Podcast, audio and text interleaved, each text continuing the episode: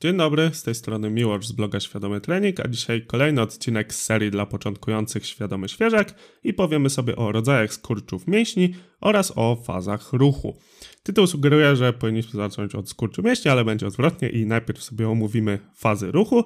Jednak zanim to przedstawię sponsora tego odcinka, którym jest mój kurs podstawy treningu siłowego, w którym znajdziesz ponad 11 godzin konkretnych materiałów na temat tego, jak zacząć trenować, jak robić to w pełni świadomie.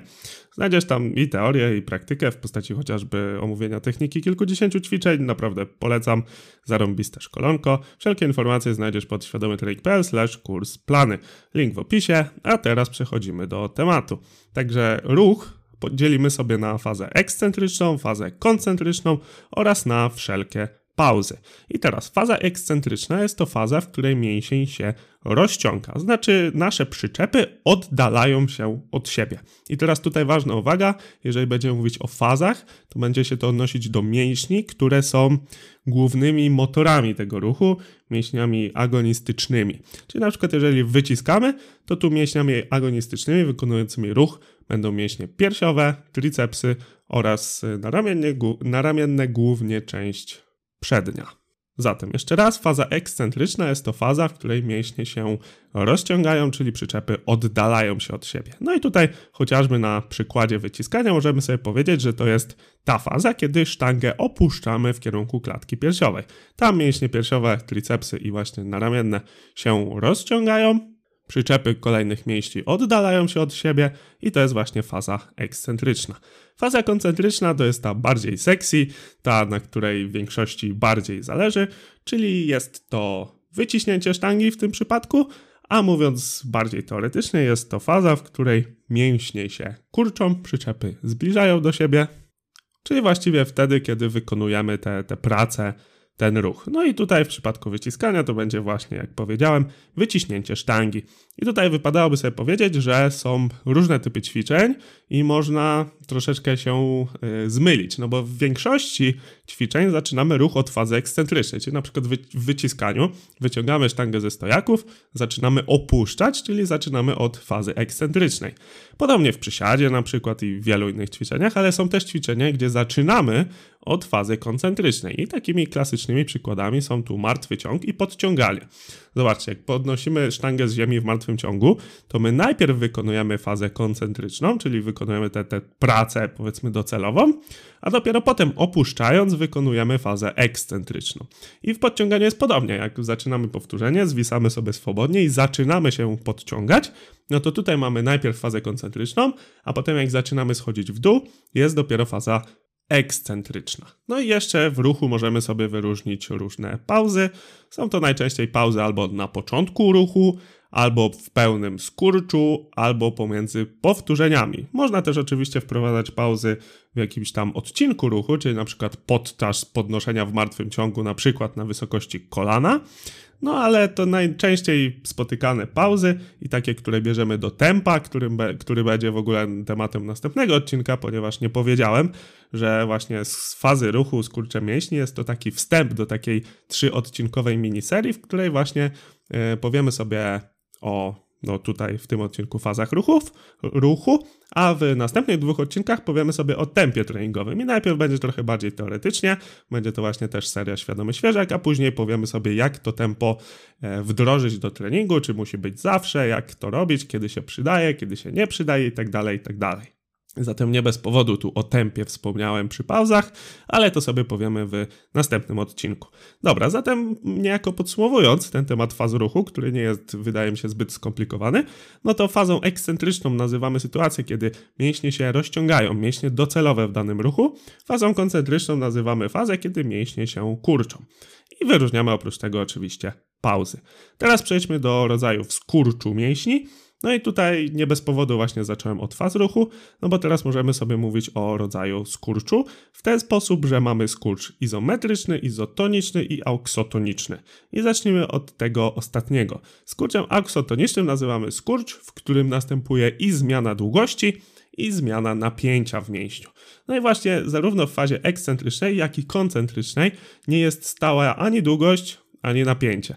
Zatem właśnie te dwie fazy ruchu będą się wykazywały skurczem auksotonicznym. Nie jest to jakaś niezbędna wiedza, ale mimo wszystko warto to wiedzieć. Często też mówi się o skurczu izometrycznym. I teraz z fizyki, jak sobie przypomnimy, izo oznacza stały, metria, no to możemy się domyślić, że chodzi o długość. No i właśnie, jeżeli wykonujemy jakieś pauzy, to jesteśmy wtedy w skurczu izometrycznym. Tutaj jeszcze taka mała ciekawostka wykraczająca poza serię świadomy świeżak, że izometria może być pasywna lub aktywna. W pasywnej izometrii po prostu przeciwstawiamy się sile grawitacji, w izometrii aktywnej napieramy z całej siły na pewien nieporuszalny obiekt. To też w sumie taki fajny temat na odcinek, także notuję i, i na pewno coś o tym będzie. Ale wracając do tematu skurczu mięśni, no to skurcz izometryczny dzieje się wtedy, kiedy nie ma zmiany długości, może być zmiana napięcia. No i jest jeszcze skurcz y, typowo teoretyczny w kontekście treningu siłowego, izotoniczny, czyli izo jeszcze raz stałe, tonia napięcie, zatem tutaj z, długość mięśnia może się zmieniać, ale napięcie tego mięśnia powinno być stałe. No i tak jak mówię, no ciężko sobie wyobrazić taki skurcz w warunkach siłownianych, także Także tutaj raczej czysto teoretycznie należy tylko powiedzieć, że taki skurcz istnieje. Zatem mamy skurcz, skurcze auksotoniczne, czyli zmiana długości napięcia i tutaj będzie się zaliczać faza ekscentryczna i koncentryczna oraz skurcz izometryczny, gdzie tutaj będziemy sobie wszelkie pauzy w ruchu wliczać. Skurcz izotoniczny zostawiamy sobie, że tak powiem, na marginesie. Rodzaje skurczu mięśnia można też podzielić na częstotliwość impulsów, aczkolwiek no, nie do końca się tym zajmujemy w treningu. E, można je podzielić ze względu na skurcze tężcowe, zupełne, niezupełne i pojedyncze. I tak jak mówię, raczej w treningu sobie o tym nie myślimy, chociaż faktem jest, że taki parametr jak rate coding, czyli częstotliwość właśnie wysyłania impulsów do mięśnia jest jedną ze składowych budowania siły. No bo tutaj może jeszcze słowem wstępu, mięsień sam z siebie się skurczyć nie może. On potrzebuje do tego układu nerwowego, dostać impuls, jak dostanie impuls, to wtedy się kurczy. Też tutaj należy sobie powiedzieć, że właściwie to prąd w naszym układzie nerwowym działa na takiej zasadzie, że jeżeli przekroczy jakąś pewną graniczną wartość, no to wtedy uznaje się, że impuls został wysłany i właśnie w przypadku jednostek motorycznych mięsień się kurczy. No i właśnie, już wspomniałem o jednostkach motorycznych, bo połączeniem układu mięśniowego i nerwowego jest właśnie coś takiego jak jednostka motoryczna. I jest to pewna grupa włókien mięśniowych, która ma połączenie z jakimś motoneuronem, który jest po prostu komórką układu nerwowego. I teraz taka jednostka motoryczna się właśnie może kurczyć albo nie kurczyć. Jeżeli to napięcie jest większe niż jakieś graniczne, to następuje skurcz.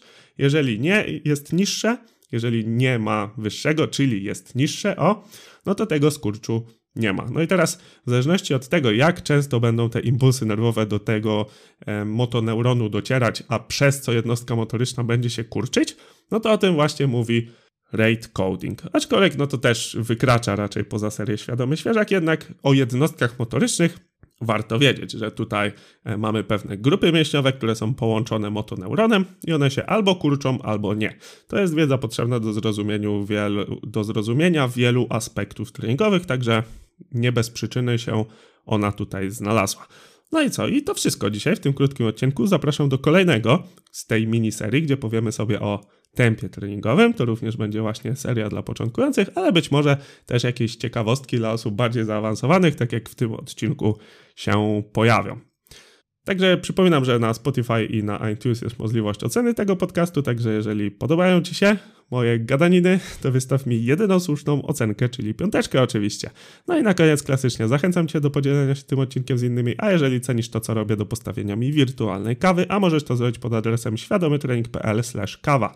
Jeżeli masz do mnie jakiekolwiek pytania, to napisz do mnie na Instagramie albo pod adres kontakt. Wszystkie adresy oczywiście bez polskich znaków, czyli przez S. Mówił Miłosz Szkudlarek i słyszymy się w następnym podcaście. Dziękuję.